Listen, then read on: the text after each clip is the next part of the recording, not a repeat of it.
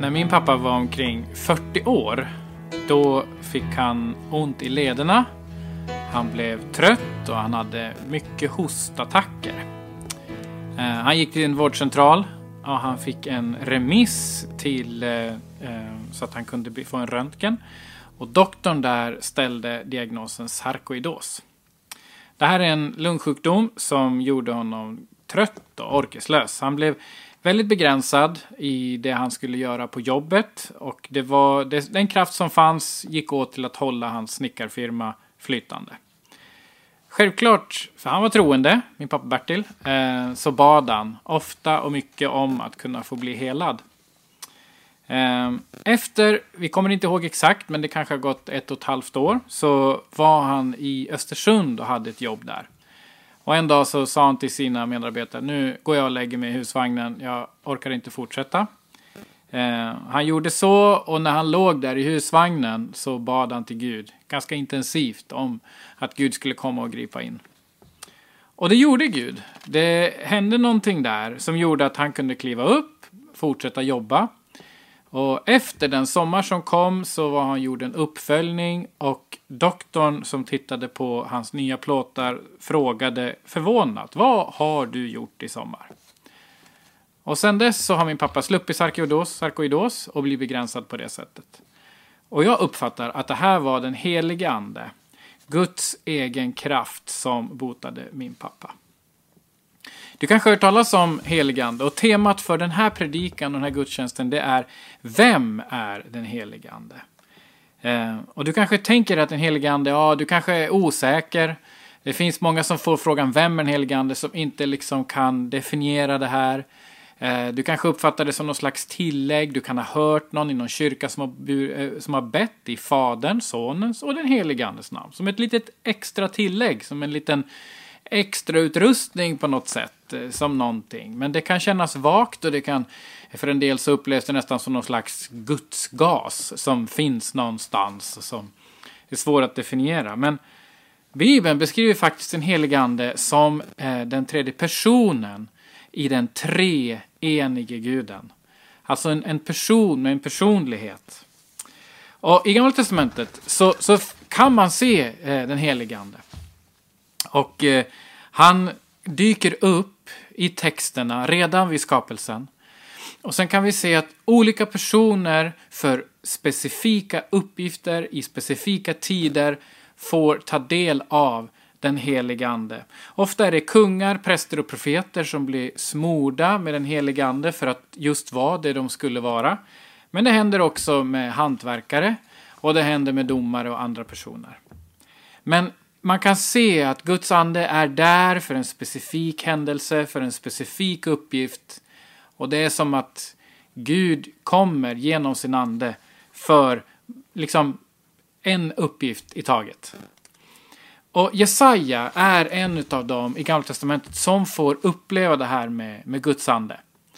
Och eh, jag skulle vilja läsa en bibeltext där Jesaja får ta emot sin kallelse, sin, att han upplever att Gud har liksom ett uppdrag för honom. Och då står det så här i Jesaja kapitel 1.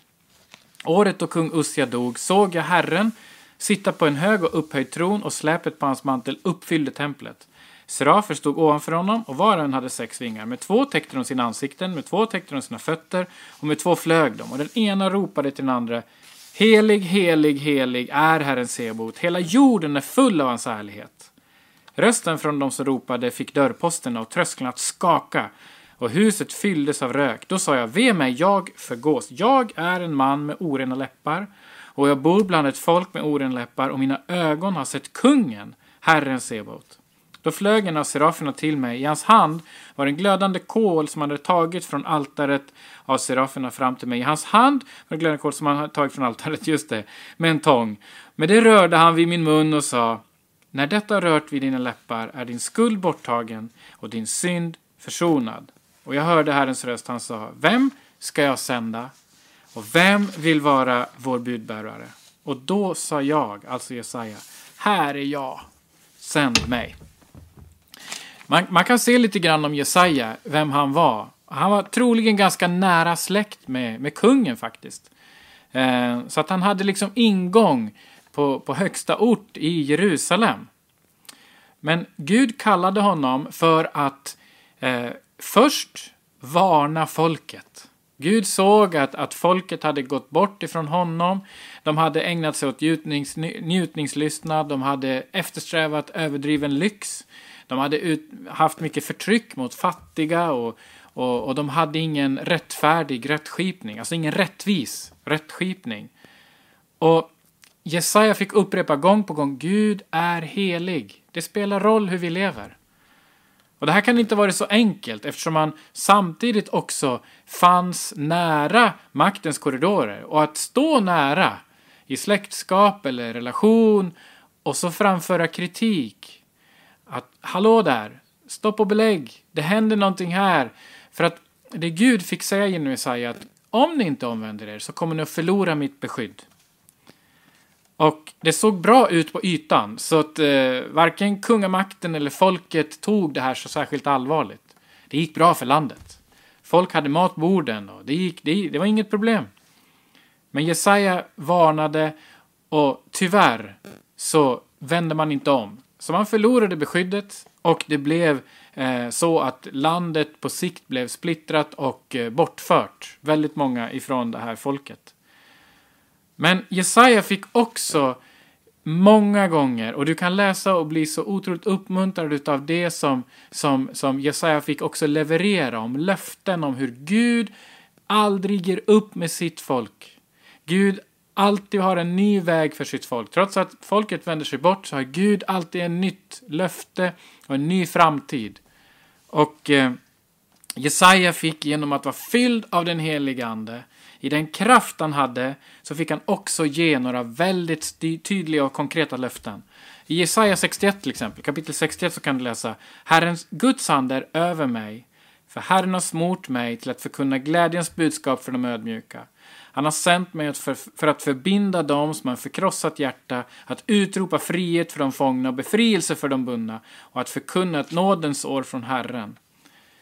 Och så fortsätter han med så här otroligt stark och, och livlig bild av hur Gud vill ta hand om sitt folk och bryta banden, bryta liksom det som håller dem tillbaka och bryta oken, bryta bojorna. Eh, Jesaja var inte den enda som fick ta del av Guds ande. Det var fler i Gamla Testamentet. För en specifik uppgift, för en specifik tid. Gideon till exempel. Han var en, en fegis, står det. Han var den fegaste i sin släkt och, och, i sin stam och den minsta stammen tillhörde honom. Det fanns ingenting att visa upp vad Gideon skulle kunna göra. Men han fick bli fylld av Guds ande. Han fick kraft till att bli en som kunde leda landet ur en mycket besvärlig situation. Så att han kunde rädda hela det folket vid den situationen. Hesekiel, han blev också fylld av, av Gud och Guds ande. Och han, han berättar och ger ett sånt där löfte. Precis som Jesaja fick ge ett löfte som jag läste nyss, så fick Hesekiel ge ett löfte från Gud själv. Och ett av de löftena från Hesekiel, som Hesekiel fick frambära, det, det säger så här. Jag ska ge er ett nytt hjärta och låta en ny ande komma in i er. Jag ska ta bort stenhjärtat ur er kropp och ge, ert, eh, ge er ett hjärta av kött. Jag ska låta min ande komma in i er och göra så att ni vandrar efter mina stadgar och håller mina lagar och följer mina vägar. Och så fortsätter det i Gamla Testamentet. Person efter person, här och där, på specifika platser, specifika tider, får bli fyllda av Gud och kan få uttala någonting som ger ett hopp.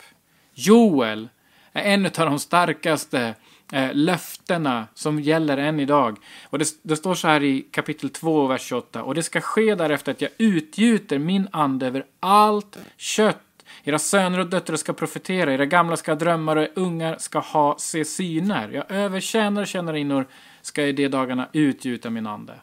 Och utgjuta, det betyder liksom typ hälla ut. Alltså, det ska liksom finnas ett överflöd. Det ska finnas mycket av Guds ande. Och här kommer en brytpunkt Guds ande fanns i olika personer för vissa uppgifter, men nu kommer ett löfte och vi predikade mycket om det förra söndagen, om löftet om den helige ande, för nu gäller det alla. Eh, löftet som kommer här gäller inte bara för specifika uppgifter, eh, för en specifik tid, utan det gäller för alla människor med alla bakgrund, alla raser, alla åldrar, i alla nationer, för den som följer Jesus Kristus och vill bli fylld. Så lovar Joel genom att bli fylld och, och, och säga någonting, tala in någonting. Att det finns tillgång till Guds ande. Och så kommer Jesus. Nya testamentet kommer. Och, och, vi ser att allting runt, människor runt Jesus plötsligt blir väldigt starkt påverkade av den helige Ande. Vi kan läsa om att den helige Ande ska komma över dig. Och nu pratar vi om Maria, alltså Jesu mor. Den högstes kraft ska vila över dig. Och, och inte bara Maria, utan Marias kusin Elisabet. Det står att när Elisabet hörde Marias hälsning spratt barnet till hennes moderliv och hon blev uppfylld av den helige Ande. Alltså nu plötsligt så, så, så händer det liksom en, det kommer en intensitet av att människor upplever Gud på ett nytt sätt, på ett starkt sätt genom Guds ande. Som inte var vanligt tidigare. Johannes döparen blev fylld, eh, som det stod alldeles nyss här, det var ju Elisabets barn, av, av den helige ande. Eh, hon blev uppfylld av den helige ande. Och Johannes får lite senare säga så här till folket, jag döper er med vatten. Mm. Han döpte med vatten. Men det kommer en som är starkare än jag och jag är inte ens värdig att lossa remmen på hans sandaler. Han ska döpa er med i den helige ande och eld. Och så får liksom Johannes lova en gång, nu börjar det närma sig, det börjar liksom eh, komprimeras till någonting starkt och stort här, det kommer, den helige ande kommer att komma på ett mäktigt sätt. Och Jesus, när han kliver in i tjänsten, då blir han döpt. Och är du inte döpt min vän, så anmäl dig idag.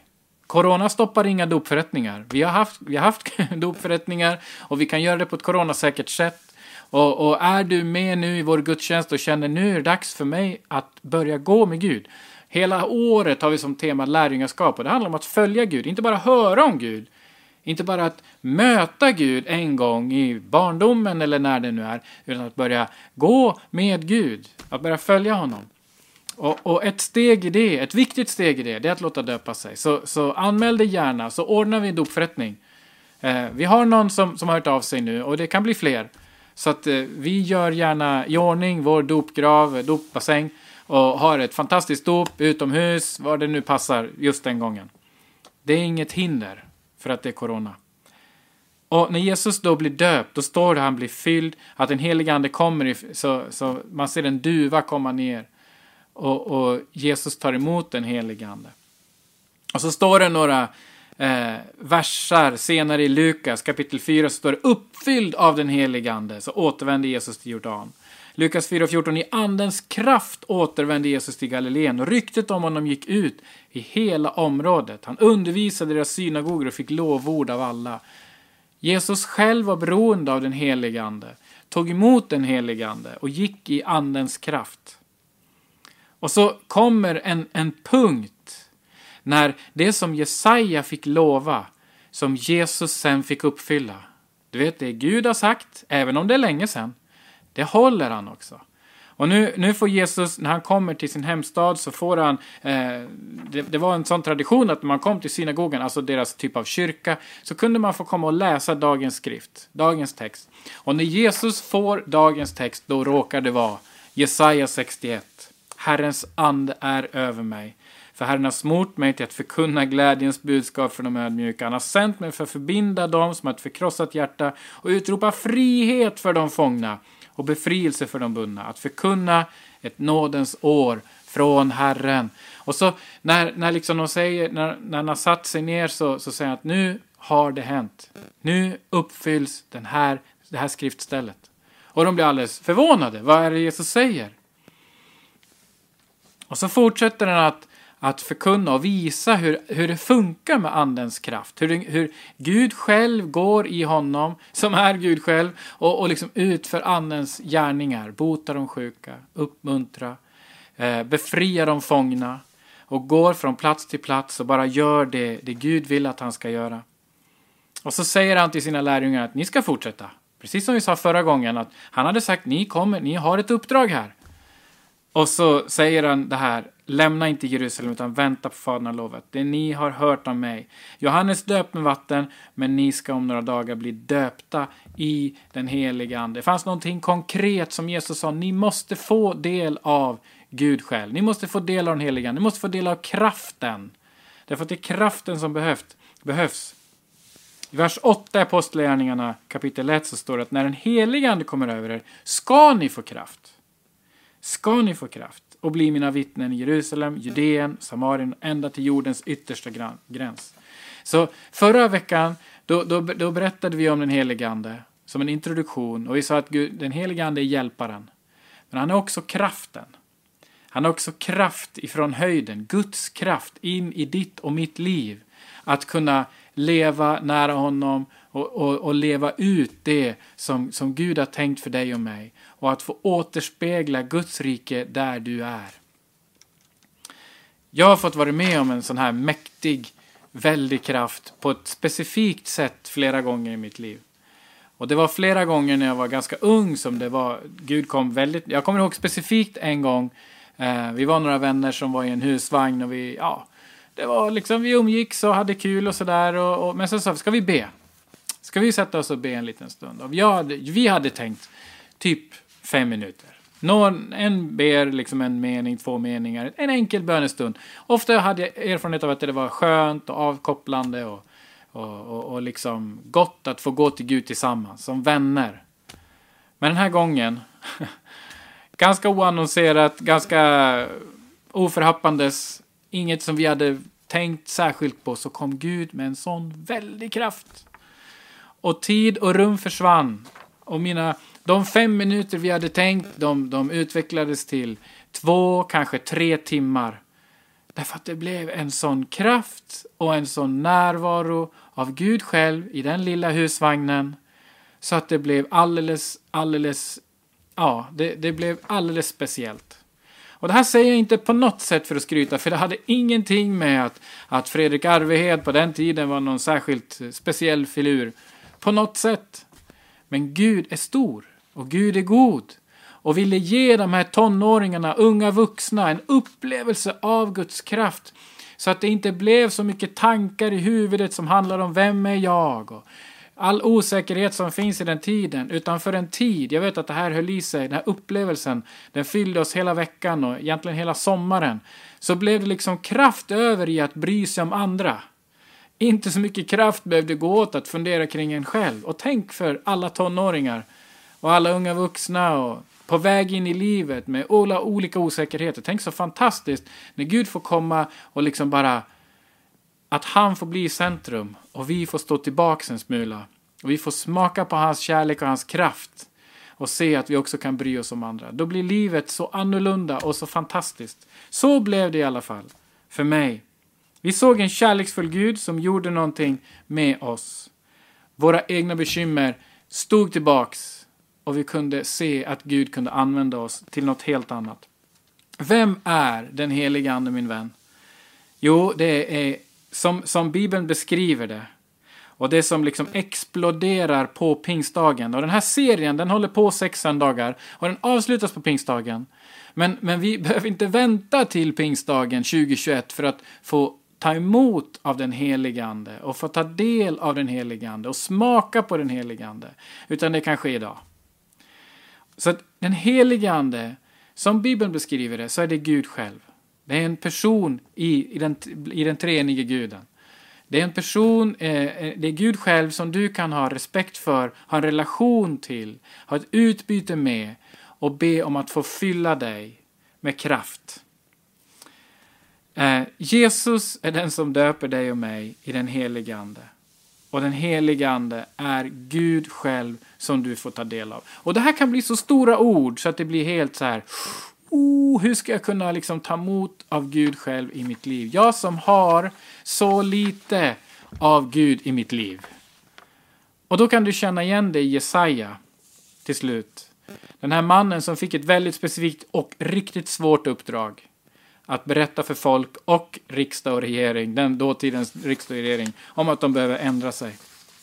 Och han kände att han bodde bland ett folk som inte följde honom. Han kände själv att han inte följde honom. Det fanns inte den där renheten, det fanns inte den där, han var inte beredd på att liksom gå Guds vägar.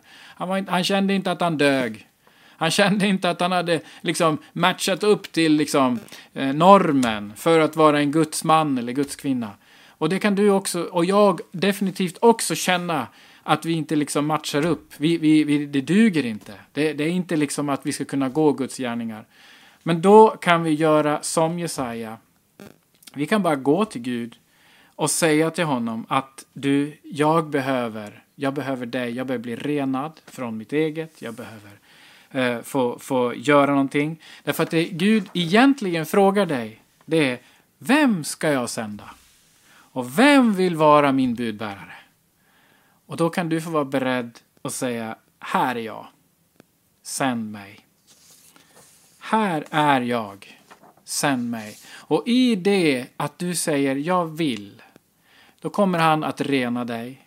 Han kommer att försona dig med, med det som kan vara och stå emellan dig och Gud. Han kommer att ta hand om det och han vill fylla dig. Och nu kommer jag alldeles strax att be om att den här kraften, Guds egen kraft, Guds kraften, den heliga Ande, inte bara ska få vara närvarande lite grann, utan att du ska få bli överväldigande, eh, få en överväldigande möte, ett, ett stort möte med Gud. Det spelar ingen roll om mötet blir eh, hö, högljutt, lågmält, att det blir som en stilla vind. Det spelar ingen roll. Det, har ingen, det finns ingen värdering i hur det här mötet sker. Men jag kommer nu att be att du, när du öppnar dig för Gud, ska få möta honom, att din heliga Ande får komma in i dig och fylla dig med kraft. Och så får Gud göra det han vill. Det är det som är så skönt. Vi behöver inte styra det, utan Gud får göra det han vill. Är du beredd? Du kan, efter att jag bett, gå in i förbön. Det finns eh, länk att gå in på en Zoom, en Zoom-länk som kommer strax i de olika chattarna. Och, och du kan gå in där och få förbön mer. Men nu vill jag be för dig. Och där du är i, i din soffa, du kan bara liksom sätta dig till rätta. Du kan hålla, liksom, lyfta dina händer om du vill. Du kan bara, bara liksom försöka förhålla dig öppet. Så ska jag be att den helige Ande ska få komma med sin kraft i ditt liv. Kanske ska du få uppleva någonting alldeles extra just nu. Det du behöver. Herre, nu ber jag dig om din kraft.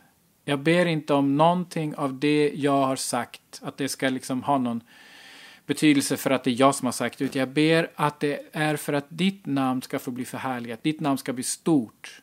Du ska få bli berömd i de olika personernas liv och i vår stad. Jag ber Herre att du ska få göra någonting nu.